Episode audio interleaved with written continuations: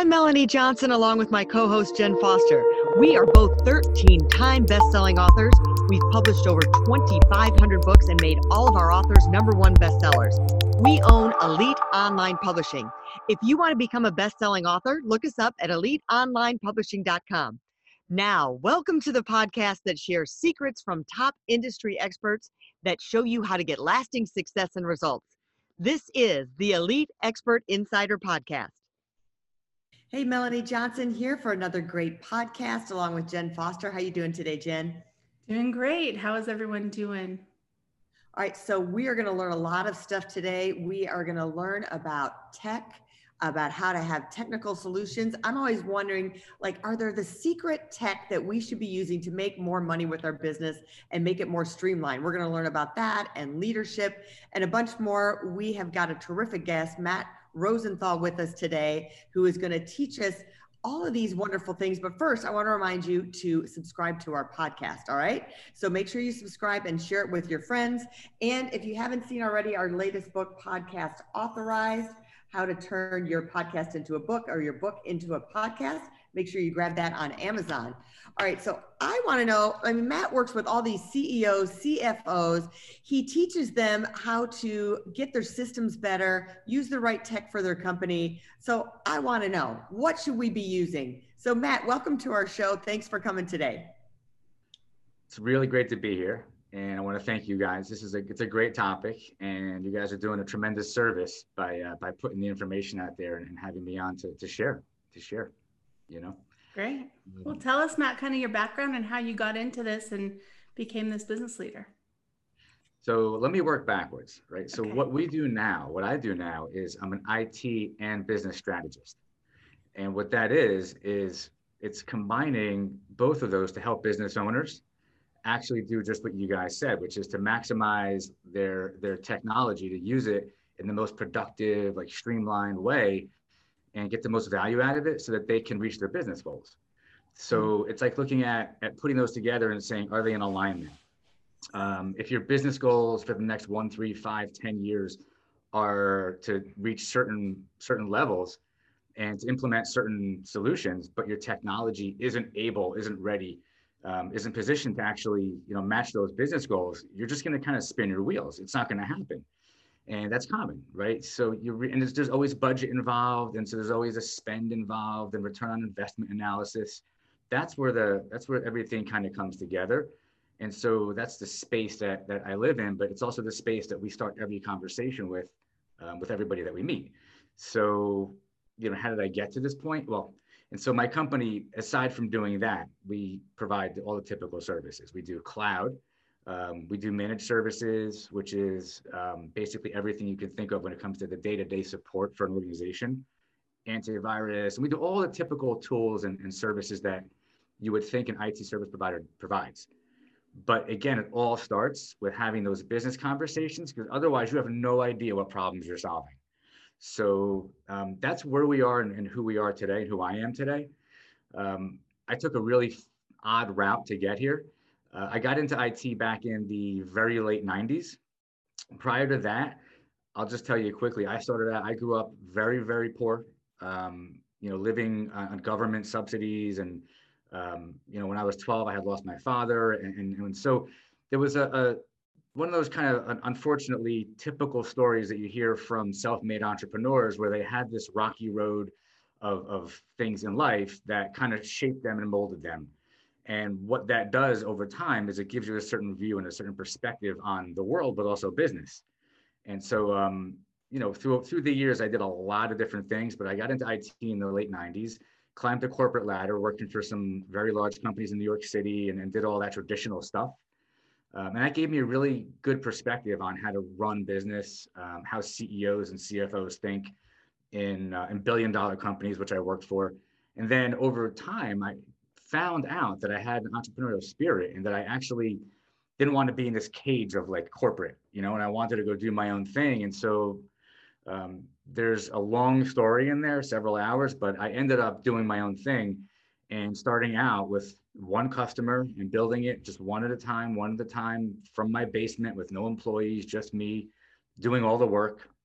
And um, over the years, through mergers, acquisitions, and, and just you know organic sales, I built it up to what it is today, which is a multi-million dollar company. Um, done a couple of mergers and acquisitions over the past few years. Um, ultimately, ended up buying all the partners out, so I'm the only owner of the company today. And what happens over all that time is you make so many mistakes and you fall on your face so many times that those lessons become the most valuable asset that you have, which is what I often share even with my clients, my IT clients. You know, we have these business conversations, but I oftentimes find out, or it, it ends up developing where people end up asking me all these questions about their business, about finance, um, about um, marketing and sales, because they see that I just have such I have a general knowledge of all of these things. it's not that I'm smarter than anybody else. I've just been doing it for so long and I've made so many mistakes that I kind of see a clearer path. And so it that has nothing to do with the IT side of things, but it's a real cool value add that comes into every relationship that I have with, with every client that I have. And um, that's uh, it's a pretty broad summary, but there's a book in there somewhere. That's awesome. Melanie, I think you're muted. I had a, a, cat running around the back of me here. So um, yeah, so it's definitely, definitely a, a, great, there's definitely have a book in there for sure. Um, so what I want to say with all this stuff with COVID going on, there's been a lot of businesses I want to say got caught with their pants down, so to speak, that they didn't have their tech up they weren't ready for this shift. So I think a lot of companies weren't embracing innovation, um, even restaurants. Oh, well, we don't have to worry about being online or be having delivery for our food and connecting to DoorDash and Grubhub and all these places that now all of a sudden you were forced to be pushed into technology. Did you see a lot of that going on um, with COVID that businesses were like, oh my gosh, I, we have to jump in? I did. Unfortunately, and, and I can speak for the, the group of the sampling, which is my client base, which is mm-hmm. you know, several hundred companies, there's, I don't know, 80% of those people. And I think it is um, representative of, of the larger sampling of, of every business out there that's a smaller medium business. Um, budget usually, and, and the thinking about spending on IT usually restricts people from doing what they probably should do. And mm-hmm. what people should have done is been more prepared. You couldn't have seen this coming but you know working remotely working from home working from uh, wherever you might be it's always been something we all do but it's something that it's like an afterthought and our position was always like risk management and here's what you should be doing and so we saw so many people that other 20% or so that weren't ready and that had to scramble and i can tell you um, know, a couple of law firms that we have as clients that and most law firms are very cost conscious because partners want to make their money but at the end of the day, if you can't bill, if you can't work because there's an outage, you can't make money. So we saw several law firms who all of a sudden had to go to work from home and they just weren't ready. They were using things like LogMeIn and GoToMyPC, like things that work, but they're not meant to support the type of work from home that that people are doing. And I know it happened to certainly restaurants. Well, restaurants are different. They shut down. But professional services businesses, we saw so many people not prepared, scrambling at the last minute. Um, some of them calling us, but I'm sure you know every IT company out there was very busy April, May, and June, and it's because people weren't ready. And honestly, I think that they weren't ready because they're not taking the advice of their trusted advisors. And the hardest thing to do sometimes is for me to look somebody in in the face or, or into the computer screen and say, I understand that you don't want to budget for this, but you need to understand that if you don't, the risk is XYZ. And if you go down for an entire day and you can't bill, if you're a lawyer, 350 an hour times however many lawyers, is it what, what's what costs you more? Not being able to bill or being prepared for the for the inevitable power outage? If you're in New Jersey in the middle of the winter, icicles bring power lines down, um, internet goes down all the time. Like you've got to be prepared. And if you don't think it's going to happen to you, it, it's going to happen to you. like you need to be ready for it. You don't, you know, you don't think your house is going to burn down, but you buy homeowners insurance. Right. It's the same thing. You have to do it, except this is more real. Your house isn't going to burn down, but you are going to need to be prepared for something you might bring up, which is cybersecurity breaches. Mm-hmm. Like you have to have a budget and you got to think about it. And if you think it's not going to happen to you, I guarantee you it's going to happen to you. Did I answer your question? Yeah, you did. Barnes and Noble, it just recently happened to them, who's in our business. So we're getting ready for this really big launch and all of a sudden Barnes and Noble got hacked and they decided not to pay the, uh, the people and they're fixing it themselves. But in the meantime, we can't upload our book to Barnes and Noble. So we're having to put some things on hold. What are some of the main um, IT solutions that you're seeing that a company should have? Like you walk into a mid-sized company, how do you do the analysis for them? So the there's three things that every company should be thinking about right now. And I call them the three C's. It's collaboration, tools. So it could be something like Microsoft Teams, um, cloud is a second C, and cybersecurity. So it's collaboration, cloud, and cybersecurity. That that that mixture, those three things, they make up pretty much everything you need to be thinking about mm-hmm. if you're thinking about going forward, if you're thinking about being productive and, and, and servicing your clients, right? you need those three things. So if I walk into somebody's office and the first thing we do is a risk assessment. So like what's actually wrong?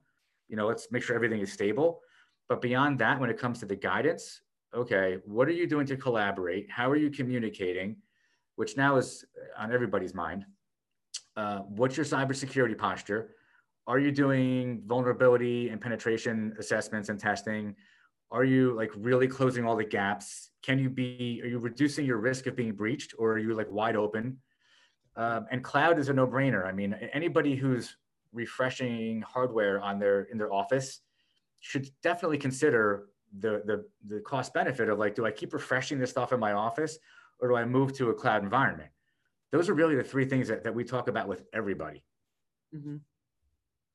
so and what are is it go ahead jen oh i was just going to say yeah so is it important to know like which cloud service to use, or does it need to be like an intrint, like a an internal um, cloud in your business? You know what I mean? Because a lot of times people are like, oh well, I have you know Dropbox or that's my cloud, or you know what I mean. So can you explain that. that. Yeah, I hear that, and I try I try not to laugh when people say, "Yeah, I have I have cloud, I have Dropbox." Yeah. It's true. Dropbox. here's here's the definition of cloud. If it's not in your office, if it's somewhere else, okay, you're in the cloud. It's not here, it's over there. Right? Yeah. Somebody else is hosting it. Um, but when you start to think about Dropbox, I mean, it's a brand name, so everybody knows like Dropbox, but is it really a secure, reliable, scalable solution where your business can go from like 10 people to 100 people and that's going to solve your problem? It might be, uh, it's actually a good example. Dropbox might be a good, uh, a good thing when you're starting up. Yeah. But if you're really thinking about expanding, it might not be the best thing, or, or at least have a plan um, of, of, what you're going to use to get yourself off the ground, but then what you're going to migrate to easily mm-hmm. to really support a business that's that's growing and that is potentially growing quickly, so that you don't end up in a situation where like, oh my God, we outgrew our, our startup technology, or maybe you aren't a startup, maybe we just outgrew our technology, and it's, it's this heavy lift to move from what we have to what we need. But there's so many cloud options to get back to your question. There's so mm-hmm. many options in cloud that everything goes back to having a trusted advisor. You're not going to know in your business doing what you guys do, for example, or anybody, a doctor, a lawyer, um, you're not going to know, you know, what cloud to choose. You need a trusted advisor that actually can say, okay, I understand your business. It goes back to my opening comment. I understand your business because you and I have talked about it. I understand your goals. I understand your risks. I understand where you're going with it this is the cloud solution, or maybe these two or three are the ones that we should be considering. And here's the costs, here's the pros and cons, and and then you make like an educated decision. And there's actually it's a very short list. I mean, you're looking at Microsoft, Amazon, Google, and a few others that are really like the, the best ones out there. There's tons to choose from, but no, you don't want to. We can we can laugh at it. You don't want to choose Dropbox. I mean, Dropbox is not something that's going to support your business's needs overall. It's just not like you need somebody to really give you advice. And that's really the answer. Find a trusted advisor and don't think that you are going to skate by having, you know, somebody who's a friend of the owner's family who is an IT guy on the side who's going to support your 40 person firm. It's not possible. Like you have to get a trusted advisor and you need to make that investment. Otherwise, you're going to be paying for it down the road in a lot more expensive ways when you get breached. Right. Or when it doesn't work. Yeah. So you say you go in and you look at fixing businesses processes along the way. What are some of the process? Talk about that a little bit. Okay, cool. Uh, I'll give you an example. So I have a client of mine that's in the construction business. They do some like very specialized, unusual construction. And they they know me from a long time ago and they so they reached out to me and they said hey can you help us? We're having problems in our business. And so they i said what kind of problems? So they began talking about problems with billing problems with hr and so they went down the list. I'm like wow it's like every single like silo in your business is like seems like you're struggling. Mm-hmm. so i went into their company took me three months and i interviewed everybody in the company, mostly the high, the high level people, and I reverse engineered by documenting the existing processes. So I would say to finance, okay, tell me every single thing that you do in finance. How does finance run? How do you invoice? How do you collect? Um, what do you, what, is it QuickBooks that you're using? Fine. What are the workflows in QuickBooks? Tell me every problem you have. Tell me everything you do that you feel like you're wasting time. Tell me what takes up the most of your time. And I did that in every single part of their business. And when I was done, I had I must have 20 pages of these Visio workflow drawings, and I'm like highlighting here's where you're losing time, here's where you're losing time. And when it was all said and done, I said, look, this is really two things. There's people problems. You have the wrong people in the wrong positions. You have to define roles better. And I said, you have process problems, meaning that you're not even using the right systems. So I said, when I when I when I had the list of things from finance, from sales, from marketing, from operations, and I didn't know their their construction business, but I know enough to know how to see the, the, breakdowns and workflows and processes mm-hmm. to say, here's all your gaps. We have to fill the gaps. And we filled the gaps, which is most often the case, by getting a really solid piece of software that handled each part of that organization's workflows and then taking all of the, and redesigning the workflows one section at a time and then putting one new process and well put the system in place and then we put the new processes in place and we spent weeks training everybody. Um, this is years ago. They still run the business the same exact way that i designed for them. And i've done that for so many people. It has nothing to do with it that's just something that i do for people because i'm good at it. But the same thing applies when i do something for somebody I, technology wise we're doing the same thing. We're just we're, we're looking at what the problem is, what the risks are, assessing it, and filling the gaps with some solution. It's just that I can do it for an entire. Com- I can walk into any company, reverse engineer solutions, and and solve their problems. I'll give you one more quick example. I have an existing client who is in the. Um, I don't want to like. I don't want to give them away. Um, they're in the business of um, like the garment business, like the cleaning business and they have a lot of trucks on the road and they're doing pickups and drop offs and they're washing things and they they really were like struggling with how to be profitable. So i said to the owner who we do cloud for i'm like listen do me a favor. I'm not going to charge you anything. Let just work with me. Give me like two days of your time. Come into my office. Let's get in front of a whiteboard and let's let's just let's reverse engineer all your processes. And we did it. And i found he didn't recognize it. I found where he was losing $500,000 a year in revenue. Holy cow. And I pointed it out to him and he was like, oh my God, how do we fix it? I said, you have the software already in place to run your business. You need to put some workflows in here and here and here to create accountability to track pet better where people are, how long they're spending, how many times they have to run back to your shop because they forgot something on a truck, which goes back to a loading the truck workflow I took him through all this and I'm like, it's half a million dollars easily. You can, you can start that process tomorrow. Just fix these, these workflow problems. So that's what I do. I love that because it's really just like that little tweak, right? That, that millimeter of change in the workflow or in the system and then $500,000 change, right? I mean, that's awesome. I don't know if he did it actually, um, but I, I, I, gave him all the information. Yeah. Um, you know, it's like, there's like this, I heard somebody say once, I'm not sure who it was, um, I think it was Ed Mylett, is a guy that I follow. Yeah, I like you, him too. You get on a plane and you you're destined for uh, you leave California, LA, and you're going to New York, and you just make a one degree shift. You end up I don't know in the Bahamas or something, yeah. and it's amazing how powerful a, a small change in your mindset is. It has this domino effect. It impacts everything in your life. And looking at business processes is the same thing. You can just make one or two seemingly insignificant changes but they actually have this like huge effect on everything that that, that they touch. So like one of the things that i think is one of the most powerful abilities of an effective leader is the ability to see what other people around you don't see and can't see. It's just the same thing. It's it's like people have these blind spots and the, the wider you can you can or the more you can see through experience and emotional intelligence and just wisdom, which is a combination of all that, the the the better leader you are because I, I can tell you my own company, I see things every day that people don't see in finance, in the tech, the day-to-day operations, in things as simple as scheduling somebody to go on site. I ask questions that like nobody else thought of. I'm not smart in that. I'm not like any smarter than anybody else. Um, I have an ability to see things that other people don't see. And I see the same thing in other business owners that I know that are very successful. And it's the ability to sit in a room and almost know what other people are thinking and to read that room and to know when to change the subject, to know when somebody's getting bored, to know when you've lost somebody's attention because they're sitting there going like this. And it's like, okay, I, better change the subject quick. Like it's it's all unspoken. And um, it all ties back into identifying processes and workflows. It's all the same thing. It all connects. You have to be able to see it. And for as many people that I know that can see it, it's because I deal with a lot of entrepreneurs and I'm, and, and I'm friendly with a lot of business owners.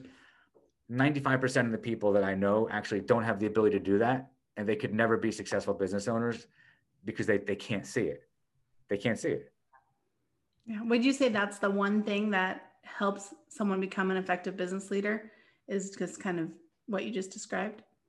It's one of the things. Another thing yeah. is that you need to be humble enough to realize that you need mentors and that no matter how old you are or what stage you're at, you must have mentors and you must listen to them and you must go out of your way to speak to them and you must go out of your way to contact them and bounce things off of them and you must not let your ego get in your way or you will crash and burn um, which I see that a lot. I have a lot. I have friends who have very big egos who do well, who have multi-million dollar companies that will never grow any bigger than they are today, because of the owner's ego, mm-hmm. and that's that's um it's a weakness. But it's if you don't see that, but it's a strength. If you really can surround yourself with people that are smarter than you, and really listen to them, you still have the final say if it's your company, but you have to listen to people around you, and you've got to take their advice. Um, I would say that and don't fear making mistakes. Yeah, I make decisions all the time. So I would say make a decision. Don't be afraid to make a decision. Even if it's the wrong decision, you've got to make a decision. You can't get stuck in analysis paralysis because that's the worst thing that would happen. Um, I've made so many decisions that have been the wrong decisions, and you weigh like the potential impact of a bad decision. So, you know, I'm not going to like make a decision that's going to put me out of business, but I might make a decision that that could potentially lose me a customer or could gain me 10 customers or make a decision that um, technically could impact our cloud in a negative way or it can impact it in a positive. I mean, I can make up a thousand scenarios, but you can't be afraid to make a decision. I made a decision one time to buy a business and it was before I was in IT full time.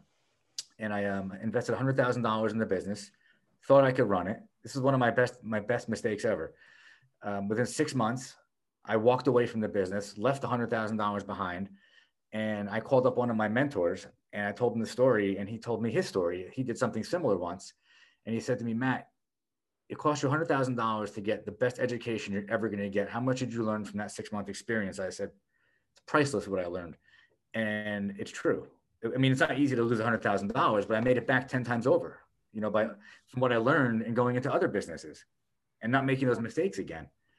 Um, so you can't be afraid to do that. You, it's you're going to lose. You can't always win, but in the end, you have to make decisions. So there's big decisions and there's small decisions, but you got to make them, and you can't be afraid. You can you can be afraid, but you can't let the afraid the, the fear stop you. Right. And that's one thing that I've noticed that is um, common among many of my successful entrepreneur friends that they they take risks, calculated risks, and those risks ultimately more often than not do pay off. They do. The mergers I did, the acquisitions I did, I didn't know that the, the, the relationships weren't going to work out and I'd end up having to buy out the partners. It was a risk. Everybody I know said, don't do it. Don't ever partner with anybody. Don't do it because you have the vision, you have the energy, you have it, it's it's it's it lives within your mind and your heart, and you're gonna have a problem. And they were right, except um, I ended up, you know, my vision and my my determination and, and my commitment to what I believe in was the right thing for this company ultimately won out in the long run because the other guys just gave up because they didn't have the commitment, the dedication, or the vision, or the ability to execute. Right. So it was like, just you got to go, and I bought them all out. You know. That's awesome. Well, thanks for being on our show today, Matt. It was great information. Yeah, we can we could keep talking about this forever. Well, tell us where people can go to find more about you or um, to book you on on their podcast. Um, the best thing to do is just go on LinkedIn and just look me up on LinkedIn. Um, it's Matt Rosenthal and my company is MindCore. You can email me, and I'm sure you guys will add this on, but you can put it's Matt M A T T dot Rosenthal at mind hyphen it's like a dash hyphen core.com. Um, and our website is www.mind-core.com. But the best thing to do is to send me a message on LinkedIn.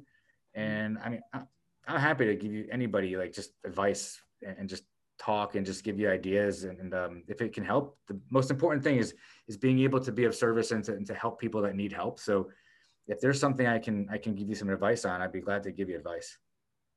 Yeah, I think it all comes back to you. It's good karma. When you help people out, it always comes back to you tenfold. Absolutely. And if anybody has any IT services they need, obviously give me a call. Yes. well, thanks for coming today. Remember to subscribe to our podcast, and we always have a great show for you. Um, we just had a show with um, Jay Wong about podcasting and how to get to the top 100 on iTunes. So check that out as well. Remember to subscribe. And if you're looking to become a number one best-selling author and turn your content into a book, we would love to help you here at Elite Online Publishing. We'll see you next time.